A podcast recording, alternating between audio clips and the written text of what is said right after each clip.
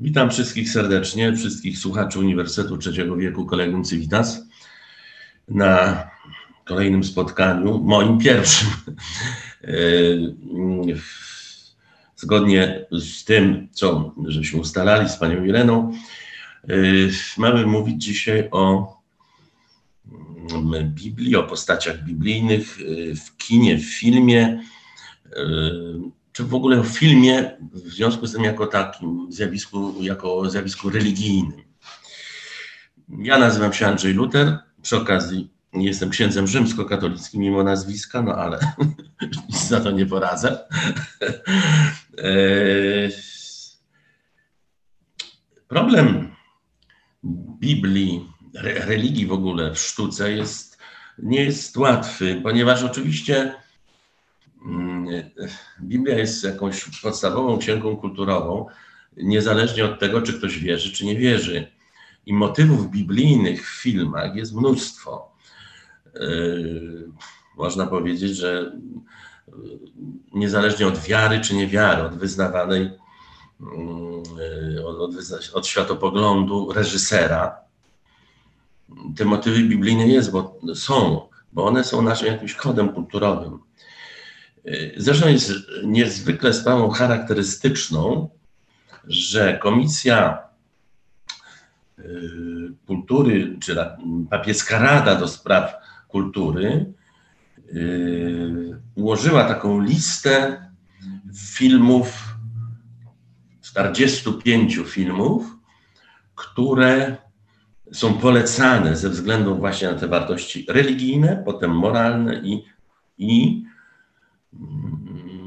i wartości artystyczne. To niezwykle ciekawe, że podzieliła te, ten zestaw tych 45 filmów na trzy punkty: religia, wartości, sztuka. To znaczy, że to e, wszystko musi ze sobą współgrać, bo przecież chodzi również o to, żeby były te e, filmy wybitnie artystyczne. I oto proszę sobie wyobrazić, że e, wśród tych 45 filmów polecanych przez papieską Radę Kultury, e, są właściwie zaledwie dwa filmy, które bezpośrednio dotykają Biblii. To pierwszy to e, film, który bezpośrednio dotyka Biblii, pochodzi jeszcze z okresu kina niemego. To jest e, film zrealizowany w latach 1902-1905, Życie i męka Jezusa Chrystusa w reżyserii Ferdynanda Zetti, a drugi film, jedyny współczesna jakaś realizacja biblijna, co jest niezwykle charakterystyczne, to jest Ewangelia według świętego Mateusza w reżyserii Piera Paolo Pasoliniego z roku 1964. Nie ma żadnych innych, żadne inne filmy stricte biblijne nie są polecane no, ponieważ z reguły te filmy biblijne jednak e, nie są najwyższych lotów artystycznych. Nawet te filmy Franka Sefirelego, ciekawe, ale przecież e, jednak nie można by ich e, zaliczyć do jakichś wielkich dzieł artystycznych.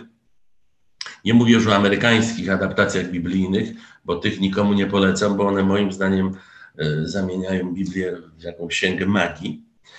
Natomiast y, rzeczywiście Ewangelia według świętego Mateusza w reżyserii Pasoliniego, do, do tego filmu jeszcze, no oczywiście trzeba wrócę, y, jest absolutnym arcydziełem. Jest to film wielki, wielkiego twórcy i to jest niezwykle ciekawe, że przecież Pasolini nie był wierzącym, jak wielka polska krytyk filmowa, pani Maria Kornatowska, profesor, zmarła kilka lat temu, mówiła o nim, wierzący ateista, cokolwiek by to miało znaczyć.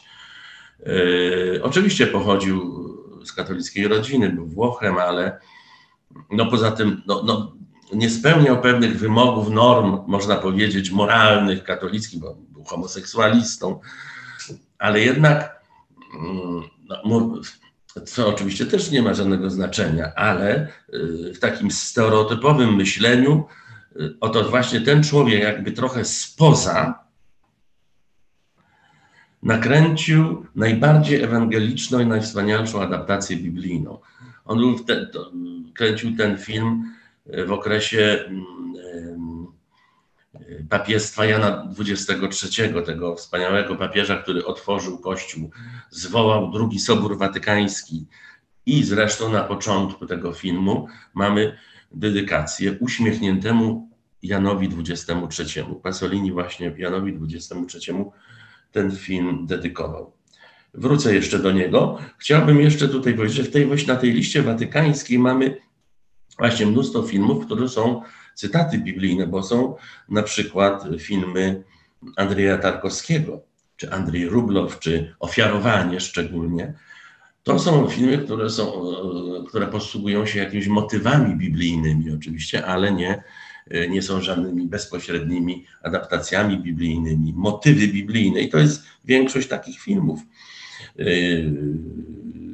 No, jest nawet, to też ciekawe, E, e, Nazarin, e, reżyserii Luisa Buñuela, film zrealizowany w Meksyku w 1959 roku.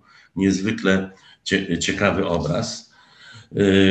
To są filmy, które bezpośrednio dotyczą spraw religijnych. Uczta Babet, Gabriela Axela, wielki film. Oto jest głowa zdrajcy Freda Cinemana, to jest problem Tomasza Mora. Każdy ten film jest oczywiście, znajdziemy w nim motywy biblijne, podobnie jak w tych filmach, które znajdują się w punkcie wartości. Tutaj mamy wiele filmów, na przykład Ingmara Bergmana, Siódma Pieczęć, wielka, wielki film, słynna gra Mm, głównego bohatera ze śmiercią. Tam, gdzie rosną poziomki, też Ingmara Bergmana. Drzewo na soboty Ermano Olmiego, niedawno zmarłego wielkiego reżysera włoskiego. Y, I, i, i potem w, punkt, w, tym punkcie sztuka mamy przeróżne filmy, Mm, nawet mamy jeden western pod tytułem Diligence, ale jest również obywatel Kane. No, słowem 8,5 Federica Felliniego, Lampard Lukino Viscontiego. Tych, yy, są też Rydwany Ognia Hugh Hudsona, więc mamy tych filmów, które, yy, którym nazwałbym z ukrytą religijnością. To, I to jest najważniejsze. Myślę, że takie filmy są najciekawsze do, do oglądania, gdzie jest ukryta religijność i my poszukujemy e, również tych motywów biblijnych w tych filmach. E, one są, to są wielkie dzieła artystyczne. Ja myślę, że z tego, z tego e, zestawu polecanego przez tą komisję papieską można by ułożyć niezły repertuar kina studyjnego. Z polskich filmów jest dekalog Kieślowskiego cały, cały na tej liście 40 pięciu filmów najbardziej polecanych. I tutaj powstaje zatem kwestia podstawowa, odbiór filmu, czy w ogóle kultury przez Kościół. Do dzieł przykładamy miarę oczekiwań swoich. Jeśli nawet nasze oczekiwania mają jakiś charakter religijny, to właśnie takich treści wtedy Y, w filmie poszukujemy i wówczas nasz odbiór iść, może iść w dwóch kierunkach. Więc po pierwsze, możemy religijność pojmować jako wąsko, taką jawnie deklaratywną ilustrację dogmatów i zasad moralnych. Wtedy odrzucamy wszystko to, co w naszym przekonaniu jest niereligijne i to, co y, zawiera, nie zawiera treści zgodnych z nauką Kościoła lub z praktyką pobożnościową. Tylko, że wtedy no, takie filmy trudne są do oglądania. I na odwrót akceptujemy bez zastrzeżeń wszystko, co zawiera te treści. I problem wówczas polega na tym, że film, czy w ogóle sztuka pozbawiona jest autonomii, pewnej wolności. Jej wartościowanie polega na badaniu zgodności z doktryną y, lub częściej z przyzwyczajaniami y, w przedstawianiu spraw wiary, a więc również Biblii. Dotyczy to stereotypów, języka, form artystycznych uznanych przez tradycję jako wyrażające treści religijne. i nie dasz się, i się nie poszukuje wtedy walorów artystycznych, estetycznych. Y, I to jest, y, to jest fatalne dla sztuki. A dobry film, y, który porusza czy sprawy wynikające z Biblii, czy wartości religijne, no, to jest taki, który również jest wybitnym filmem artystycznym. Nie znosimy filmów dydaktycznych. I po drugie, można religijności poszukiwać wszędzie. I to jest chyba też ciekawe, również w tych obszarach kultury, w tych filmach, które deklaratywnie religijne nie są, lub nawet wobec religii mogą być nastawione negatywnie. Czasami oczywiście mogą takie poszukiwania iść zbyt daleko, bo dziełom przypisywane są treści, y, które są w nich dostrzegane czasami na siłę. Istotne jest jednak tutaj co innego. Traktowanie sztuki jako przestrzeni dialogu. I tylko, I tylko takie również adaptowanie Biblii czy mm, wątków biblijnych jest, wa jest wartościowe, kiedy traktujemy to jako dialog. Człowiek wierzący, skoro patrzy na świat przez pryzmat wiary, mm, tak może postrzegać literaturę, oczywiście film czy teatr, i, i wejść w dialog z nimi właśnie w tej perspektywie religijnej. Yy, I to jest niezwykle istotne. Chciałbym zatem przy tym wstępie takim y, tutaj powiedzieć, kiedy oglądamy takie filmy religijne, chcę powiedzieć, że każdy artysta ma prawo do własnych uniesień, własnych poszukiwań. I, I nie można przykładać zatem linijki dogmatycznej do dzieł artystycznych, bo zawsze w prawdziwym dziele artystycznym znajdziemy odchylenie, i, I takie filmy są najlepsze, właśnie kiedy znajdziemy odchylenie od tych wszystkich dogmatycznych zasad. Mm, zdarzy się, że utwór wypadnie w ogóle z, z naszych miar, moich miar jako, jako księdza. I chyba, I chyba najczęściej tak bywa, że z tych miar moich gdzieś odpływa i wtedy to są najciekawsze rzeczy, bo one pobudzają do dialogu, do dyskusji. Dramatu człowieka po prostu nie zamkniemy w żadnym dogmacie i wydaje mi się, że to jest najciekawsze, y, takie filmy religijne, czy też no, odnoszące się do Biblii, yy, są najciekawsze. Pytanie jeszcze wtedy powstaje, gdzie jest granica akceptacji, tolerancji jakiejś. Prawda? Od razu powiedzmy, jeżeli chcemy oglądać filmy yy, religijne, które niosą jakiś jasny morał, to rzeczywiście możemy się zawieść, bo to są yy, najciekawsze filmy, nie niosą ze sobą morału, raczej zadają pytania, otwierają przed nami właśnie ten dialog. Yy, znajdziemy jakieś dotykanie spraw trudnych, niejednoznacznych moralnie, a zwłaszcza już niepewnych religijnie. Artysta ma do tego prawo i można powiedzieć wtedy, że taki film gorszy. Wszystko jednak zależy od nastawienia widza, bo gorszyć przecież może także Biblia. Biblia sama w sobie gorszy. Pokazywanie zła lub chociażby obrzeży moralności jeszcze nie jest gorszeniem. Nie jest gorszeniem. Zgorszenie nas, może nastąpić wtedy, gdy spojrzymy na to dzieło z lękiem i niepewnością, gdy zawarty w tym dziele opis y, świata zburzy naszą kruchą konstrukcję jego światopoglądu lub wiary. Przecież elementy religijne, e, elementy y, możemy znaleźć również w filmach stricte jakichś, w cudzysłowie mówiąc, nihilistycznych, tylko trzeba i wszystko może zburzyć, jeżeli, e, na, jeżeli nasze wnętrze, nasza konstrukcja naszej wiary, światopoglądu jest krucha. Patrzmy zatem na te dzieła.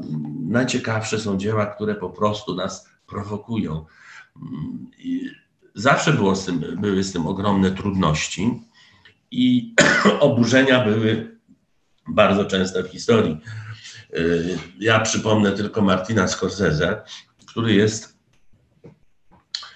y, twórcą no, amerykańskim, ale pochodzącym z Sycylii, jest katolikiem i to jest właściwie nawet w najbardziej gangsterskich filmach element religijny się napojawia. Ostatnio fantastycznym Irlandczyku, którego może, który możemy obejrzeć na Netflixie, bardzo długi film, ale końcówka, koniec tego filmu to jest taka jakby y,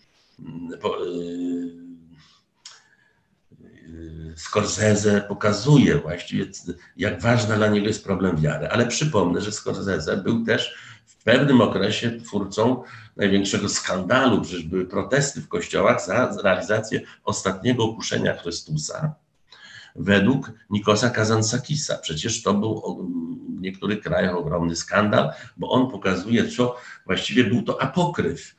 Y, co by było, gdyby Jezus Chrystus przeżył? Tak by to powiedzmy. I artysta ma prawo do zadawania takich pytań. Y, niedawno obejrzeliśmy kolejny jego fantastyczny film, Milczenie, według znanej japońskiej powieści. To, y, to jest o XVII-wieczny y, historia portugalskich jezuitów, które jadą do Japonii, wyjeżdżają do Japonii na misję. Jak ktoś widział ten film, to przecież wie, że to jest wielka dysputa teologiczna i o sensie misji, jak ewangelizować, jak tą Biblię przekładać na, czy to jest w ogóle potrzebne. Po co Japończykom ewangelizacja Biblia? To jest bardzo ciekawe. I najważniejsze pytanie, które jest dzisiaj niezwykle aktualne, również przecież tam pada takie pytanie, czy można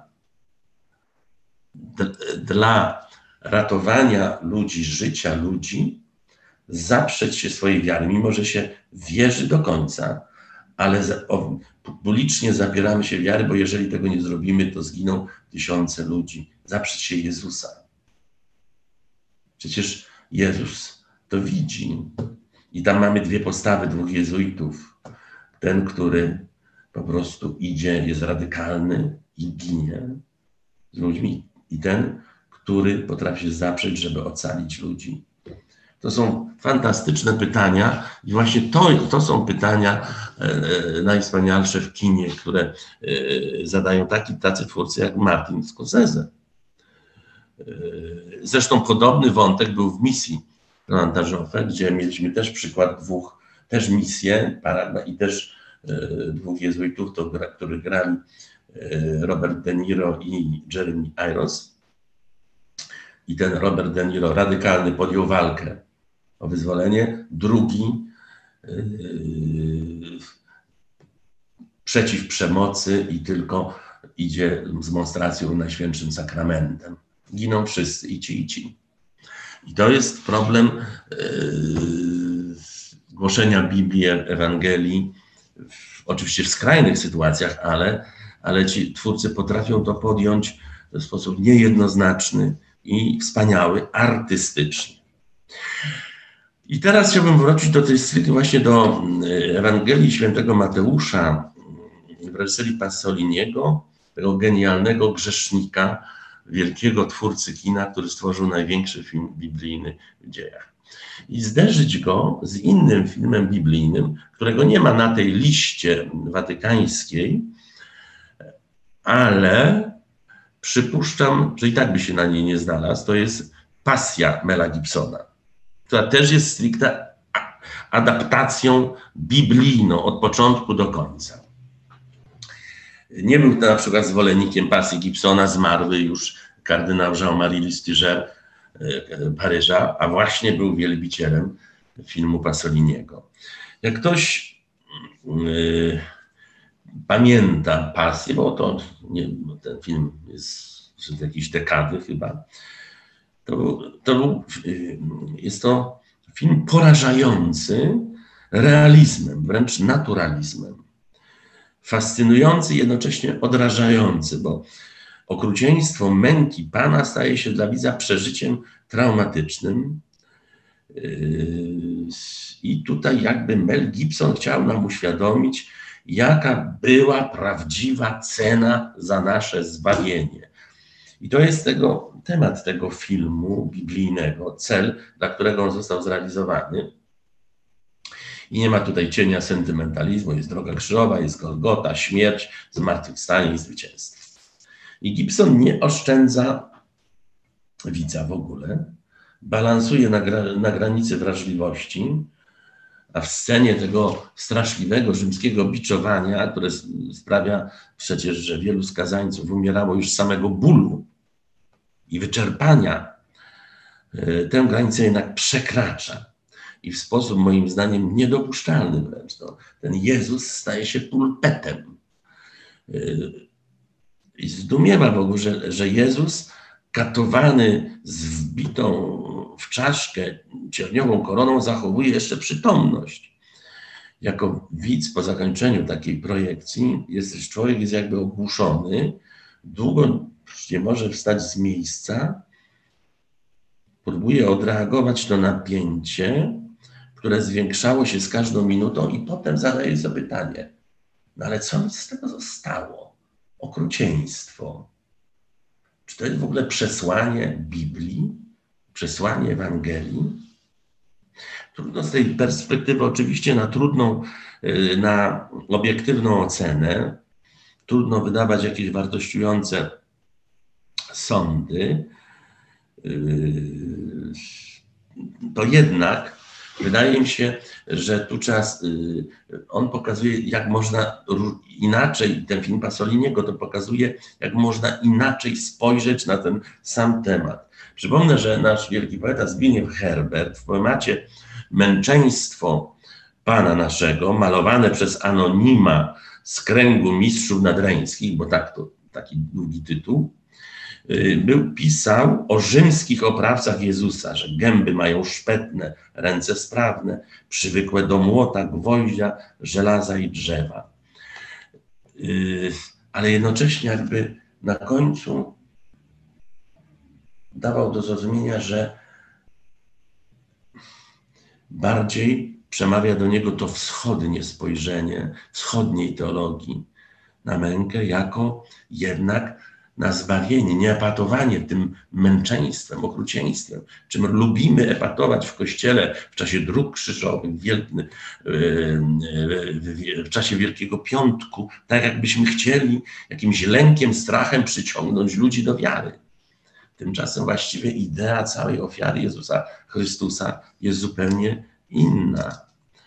Yy, są oczywiście ładne momenty w tym filmie Mela Gibsona, szczególnie Szymon z Syreny, wątek Szymona z Syreny, który pomaga nieść krzyż Chrystusowi. Szymon z Syreny, człowiek przypadkowy, właśnie jakby niewierzący, jakby znikąd nagle staje obok Chrystusa to, to, ale to sama w sobie ta stacja Drogi Krzyżowej z Szymonem Cyreny jest niezwykle właśnie y, dialogiczna, wspaniała. Y, zmusza, ten, jest zmuszony do pomocy Szymon z Cyreny i tak jak y, asystuje nagle ten człowiek spoza przy zbawianiu świata. I to jest niewątpliwie piękna scena w tym filmie. Jednakże ten film mm, Gibsona jest właściwie taką jednorazową, e, jednorazówką, takim szokiem. Trudno to obejrzeć drugi raz. I ten film dostałem i potem kogoś to sprezentowałem, nawet już z folii nie, nie wyjmowałem, bo nie chciałem już tego drugi raz oglądać, wystarczyło mi w kinie. I teraz, jak zobaczymy Ewangelię według świętego Mateusza, największe arcydzieło w dziejach kina biblijne, zobaczymy, że jest to zupełnie coś innego.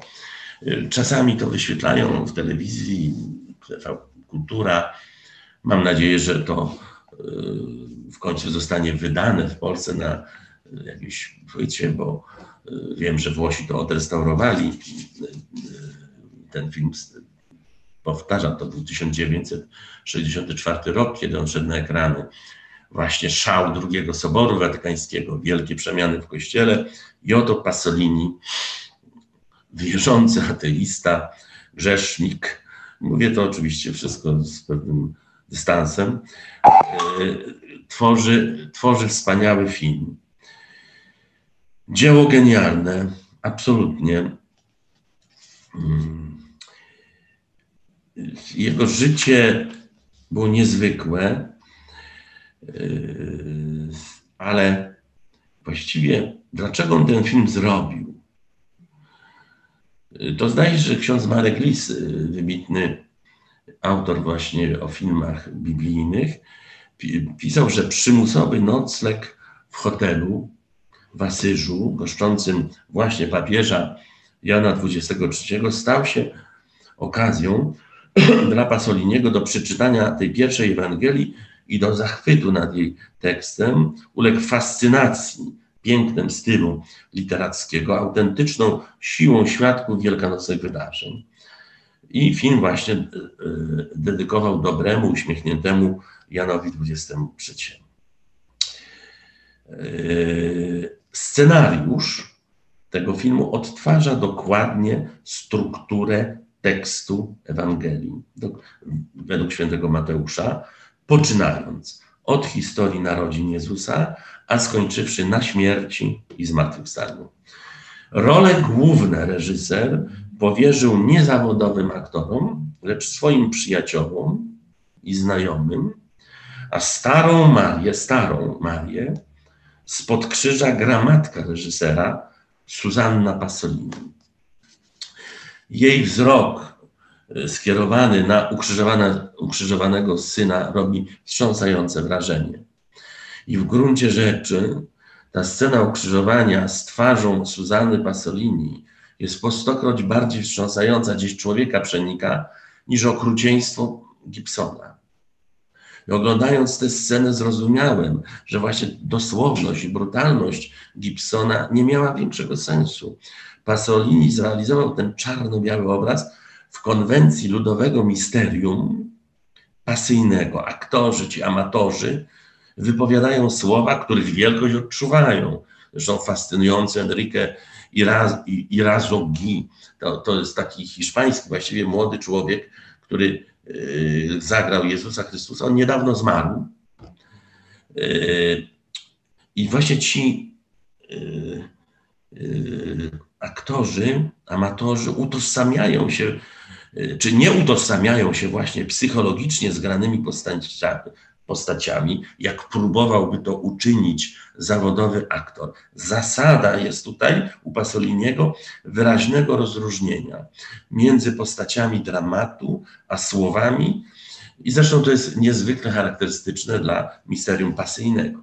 I ta wizja Pasoliniego również ma w sobie coś z utopijnej rewolucji, która jednak nie pożera własnych dzieci, bo Zbawiciel kieruje się uprzedzającym wszystko miłosierdziem. Jezus jest jednak w filmie Pasoliniego przywódcą rewolucji duchowej, której nie znoszą zarówno fundamentaliści moralni, jak i pragmatycy, jacyś w wymiarze artystycznym to dzieło Pasoliniego, ta Ewangelia Pasoliniego to jest poezja, wizjonerstwo plastyczne, widz dostrzeże w poszczególnych kadrach odwołania do obrazów Giotta, y, Piera della Francesca, a także pejzaże ubogiej Kalabrii, bo to tam właściwie było kręcone, w Kalabrii.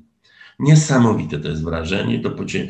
i to jeszcze potęguje ścieżka dźwiękowa tego filmu, na które składają się kompozycje Bacha, Mozarta, Prokofiewa, Weberna, Bakalowa i tak dalej. Y, niektórzy, i to jest bardzo ciekawe w podejmowaniu problemów Biblii, i tu zarzucali Pasoliniemu, że koncentruje się na ludzkim wymiarze Jezusa, a przecież był to Bóg, człowiek, pomijając ten wymiar boski. Ale przecież Pasolini w scenie ukrzyżowania pokazuje, że cierpienie, niepojęte jak sam Bóg, jest próbą człowieczeństwa, właśnie człowieka, próbą jego wewnętrznej prawdy, co w niczym nie podważa boskości. I to y, myślę, że jednak zachowuje on y, ten balans między boskością i człowieczeństwem Jezusa. Y, nie podważa boskości Zbawiciela, który na krzyżu po ludzku wyraża ten ból Boże mój, Boże mój, czemuś mnie opuścił, a na końcu osamotniony, rozdarty bólem, bezgłośnie powiedział: Ojcze, w ręce Twoje powierzam ducha mego. I ta zagłada stała się jego zwycięstwem i zarazem naszym, bo za nas umarł. I to Pasolini, jakby spoza kościoła, człowiek wspaniale pokazuje. Ten dystans być może jest bardzo potrzebny. I to jest właśnie rewolucja Ewangelii według e, Pasoliniego i Ewangelii według świętego Mateusza. Synteza autentycznego doświadczenia religijnego i nadzieja wyzwolenia ludzkiego, społecznego i politycznego też. I nie chodzi tu o żadne wyzwolenie ideologiczne. Najgorsze jest właśnie, kiedy wiarę zamieniamy w ideologię, bo wtedy to przestaje być wiara. Człowiek wierzący, jak kieruje się ideologią, zaprzecza swojej wierze. Ale to jest te, widać te trzy cnoty u Pasoliniego, czyli wiara, nadzieja, miłość. Czyli ateista Pasolini doskonale wyczuwa te różnice i to widać na ekranie. To jest, powtarzam, arcydzieło. I film ten już oglądałem wielokrotnie yy, i ciągle mogę odkrywać Ewangelii Świętego Mateusza nowe wątki. I właściwie ten film biblijny, jeden, wystarcza mi za wszystkie, bo nikt nigdy nawet na, na, na, na, na, na żadną odległość nie zbliżył się do Pasoliniego. On jest po prostu, to jest jakiś y, wytwór geniuszu artysty i mm, myślę, że ciężko będzie y, komukolwiek zbliżyć się do tego. Natomiast bardzo ważne są oczywiście motywy biblijne w filmach. To często mm, dostrzegamy. Ja tutaj chciałbym troszeczkę powiedzieć też o polskim filmie, bo yy, no w końcu żyjemy w kraju,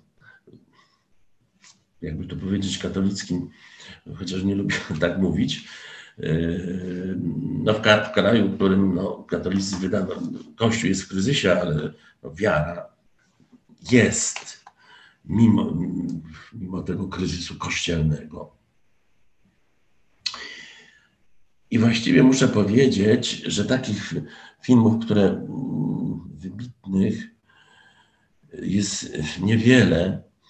Kiedy wchodzę w historię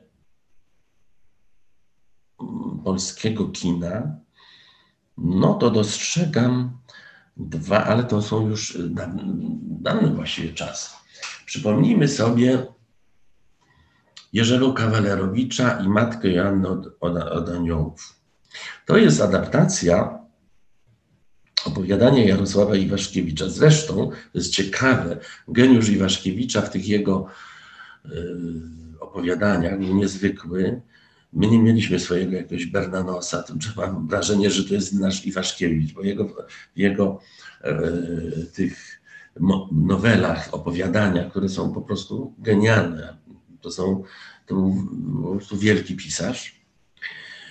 E, I ta matka Jana Adoniołów była niezwykłym filmem.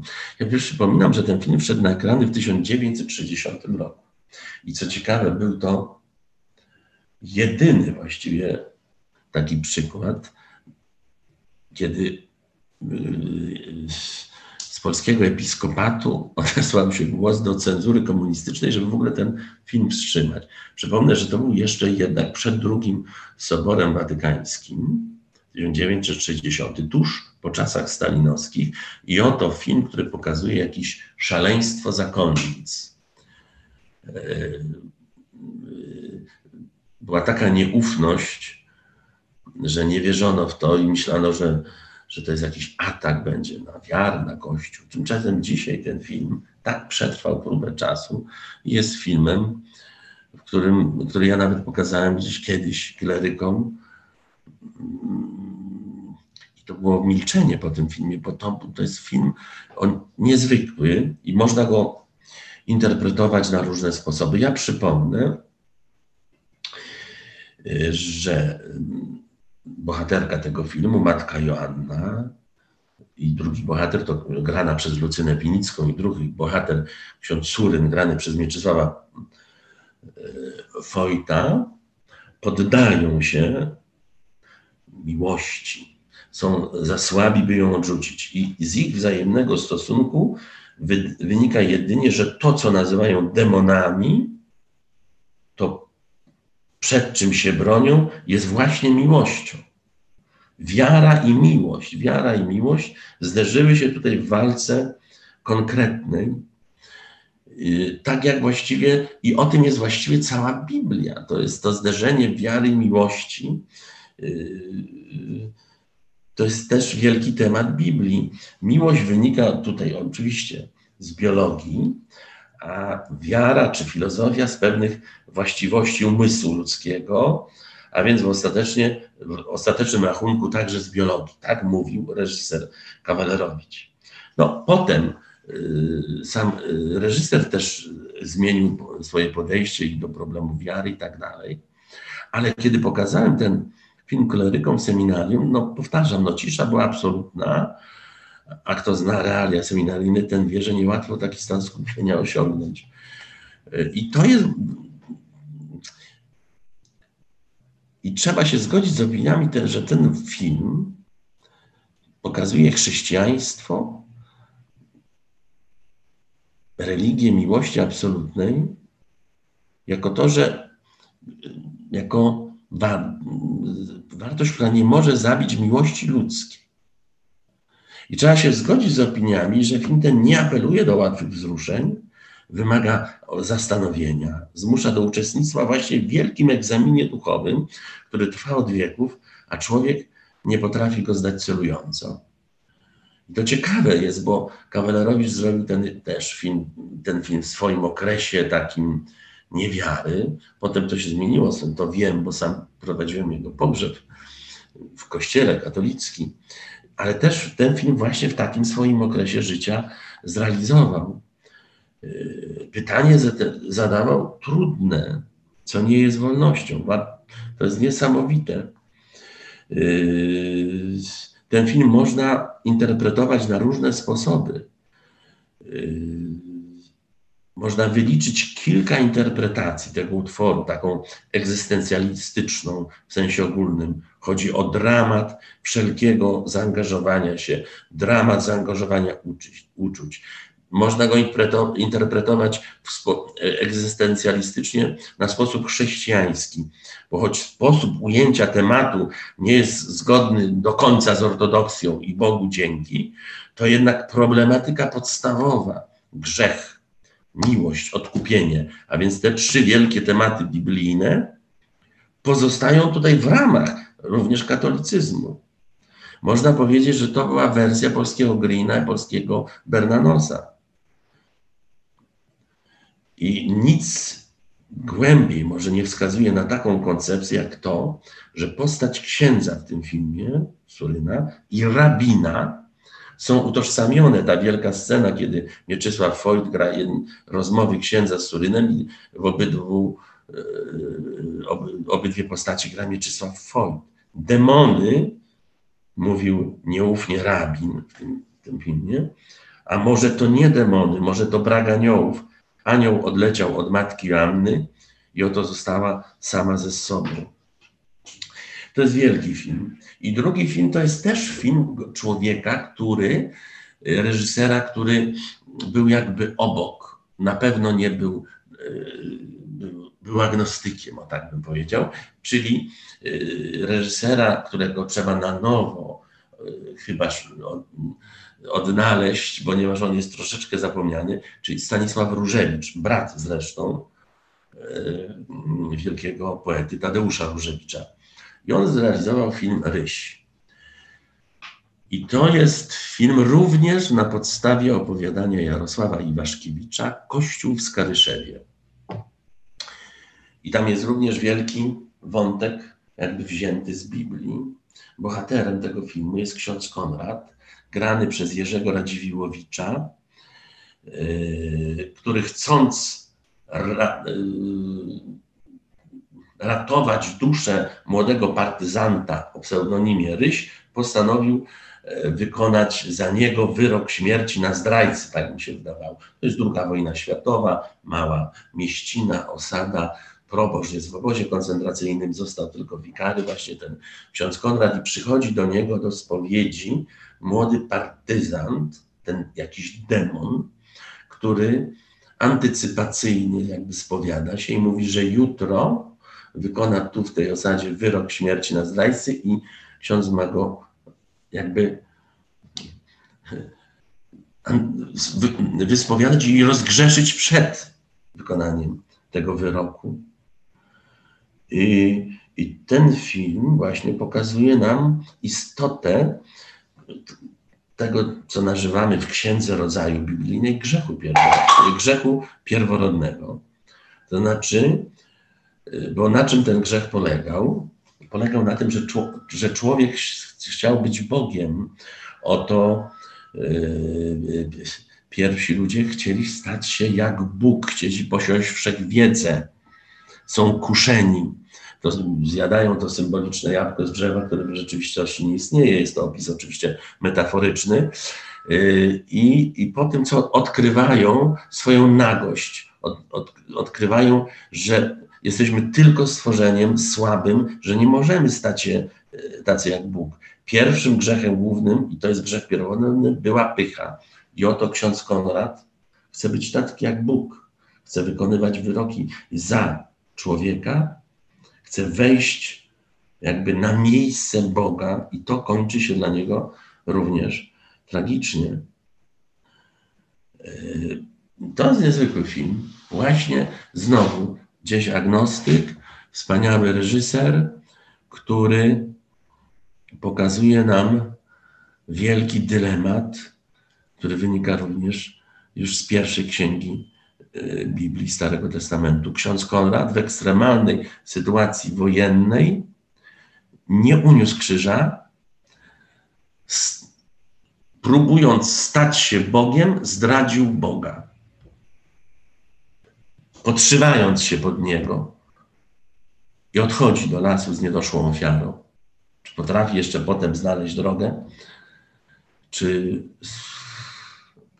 Prawdopodobnie Bóg zapyta go, tak jak pierwszych ludzi po grzechu, w miłosierdziu swoim, Konradzie, gdzie jesteś? I tak, jaka będzie jego odpowiedź. To jest fascynujący film, zrobiony bardzo prostymi środkami, fantastyczny plastycznie, z genialnymi zdjęciami wielkiego Jerzego Wójcika, operatora, muzyką.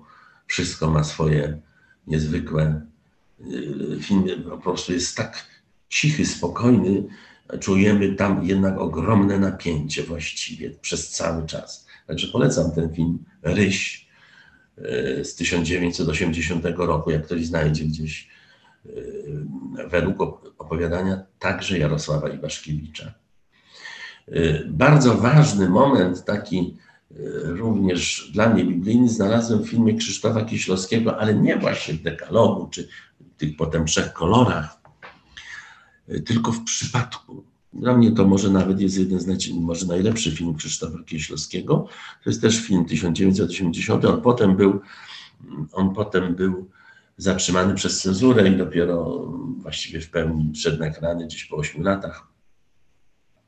Ja przypominam, że tematem tego filmu jest pozornie przypadek. Bohater Wiktor, y, Witek grany przez y, Bogusława Lindę. Jego życie y, ma trzy, ma trzy wersje. Wszystko zależy od tego, czy zdąży na pociąg osobowy, czy tam pospieszny do Warszawy na dworcu Łódź Fabryczna. Raz zdąży, raz nie zdąży, raz in... i za każdym razem to jego życie potoczyło się inaczej. W jednej z wersji, yy, kiedy nie zdążył na dworzec, wiąże się z opozycją demokratyczną, antykomunistyczną i tam spotyka księdza, takiego korowca grany przez Andama Ferencego. Ten ksiądz jest na wózku inwalidzkim i rozmawiają ze sobą i wtedy wszyscy chcieli się ochrzcić, nawet ci nieochrzczeni. Taka była moda, no, opozycja antykomunistyczna. wszystko jedność z Kościołem, to były inne czasy. I ten Witek, dorosły człowiek, mówi mu, księdzu, że chce się ochrzcić. I on zadaje wielkie pytanie. Wtedy ten ksiądz, otwarty umysł, po co ci to?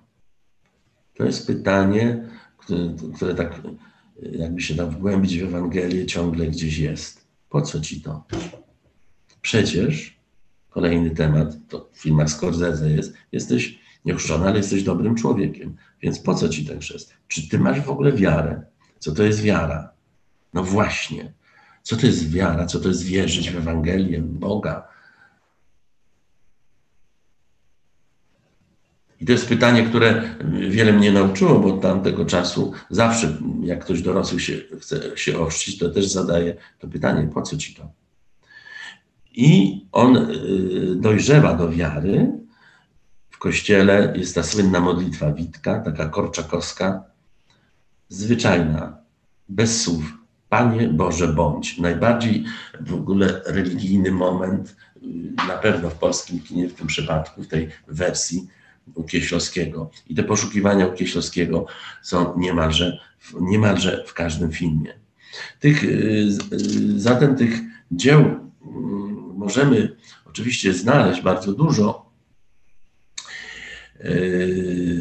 Zresztą podobny wątek znajdujemy, wątki znajdujemy u Krzysztofa Zanussiego. Ja przypomnę właśnie jeszcze jeden film polski, który dla mnie jest niezwykle ważny. To jest taki film, można powiedzieć, życia, dzięki któremu może ja się jakoś zbliżyłem bardziej, bo człowiek miał różne również etapy w swoim życiu. Jak ktoś spróbuje przypomnieć sobie film Krzysztofa Zanussiego Iluminacja ze Staszkiem Latało, który grał tam główną rolę Franka Redmana w tej postaci, gdzieś odnajdowałem swoje poszukiwania i w jednym z, z, wątków tych poszukiwań, kim on ma być w swoim życiu, była chęć wstąpienia do klasztoru Kamerunów, czyli takiego najbardziej klasztoru zamkniętego.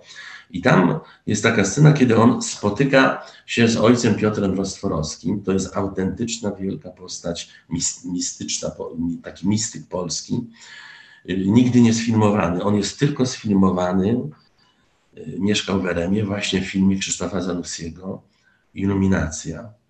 I to jest autentyczna rozmowa, jakby improwizowana między Frankiem Rydwanem, czyli Staszkiem Latało i Piotrem Rostworowskim, przeorem Eremów w Polsce, Włoszech, w Kolumbii. On wtedy był w Krakowie.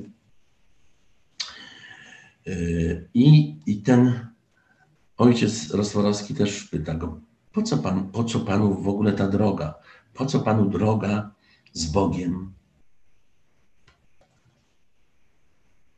Pan tu przyszedł szukać jakiejś drogi dla siebie, zainteresował się Pan naszym życiem i wtedy powiedział właśnie te wielkie ewangeliczne słowa. To jest właśnie, to są wątki biblijne w kinie. Żaden człowiek nie poświęci swego życia dla pustki zupełnej. Więc jeśli ludzie, którzy tutaj, czyli w tych eremach są, a młodzi też są, odchodzą od tylu wartości, to dlatego, że coś tutaj znajdują. I potem pokazał mu te wszystkie domki, w których mieszkają pustelnicy, na łonie przyrody, eremy wybudowane, wbudowane jakby w przyrodę. Tutaj jakaś grusza, tu mieszkał najstarszy z ojców, który umarł rok temu, a wstąpił do zakonu jeszcze w zeszłym wieku. 70 lat w Eremie, a tu w ostatnim domku mieszka jakiś ojciec, który całkowicie odosobnił się od 14 lat. Potem gdzieś oprowadza tego Franka jeszcze i ostatecznie cel ojca Piotra Rostworowskiego było, żeby uprzytomnić mu, czego wymaga od, nas, od niego Jezus, właśnie ten y, Ewangelia, Biblia. Otóż powołanie każde, a więc również takie monastyczne, musi wypływać z wiary w Boga, czyli z akceptacji i afirmacji świata zewnętrznego, nawet jeżeli jesteśmy nim utrudzeni i zmęczeni. Jeżeli chcesz tu wstąpić, bo chcesz uciec przed światem, nie przyjmiemy cię. To jest, to jest To jest ta właśnie wielka sprzeczność biblijna. Wierzyć i akceptować, afirmować świat zewnętrzny, życie, a nie, nie ucieczka. Dlatego ojciec Piotr nie mógłby przyjąć Franka do zakonu. To, I to jest po prostu niesamowicie y, poruszający moment w tym filmie. Już mówię bardzo długo, już 50 minut, ale tutaj wymieniłem kilka filmów, więc wiele tych filmów jeszcze mógłbym wymieniać, ale jeżeli chodzi o biblijne wątki, no myślę, że wymieniłem te filmy, które są mi najbliższe. Nie lubię po prostu filmów wprost. Nigdy nie obejrzę filmu amerykańskiego, biblijnego, które są sztuczne, nieprawdziwe. Natomiast e, te, te takie adaptacje jakby dla dzieci, które często są jakby rzeczą dzieci, yy, dzieciom tak trzeba pokazywać Biblię. Zawsze się tym niepokoję, ponieważ mm, Biblia w tym jest pokazywana trochę na sposób magiczny.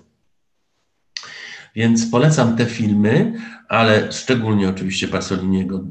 Jak ktoś nie oglądał Ewangelii według świętego Mateusza Piera Pasoliniego, to trudno mówić o filmie biblijnym, bo to jest podstawa, to jest po prostu, yy, co jest arcydzieło największe w historii kina yy, według Biblii i ten film wszystkim polecam. Może już skończymy i pożegnam Państwa, może jakieś pytania? Dobra, no to dziękuję, dziękuję wszystkim bardzo. 50 minut, 51. Do zobaczenia. Może będzie taki jeszcze taka okazja. Szczęść Boże, wszystkiego dobrego.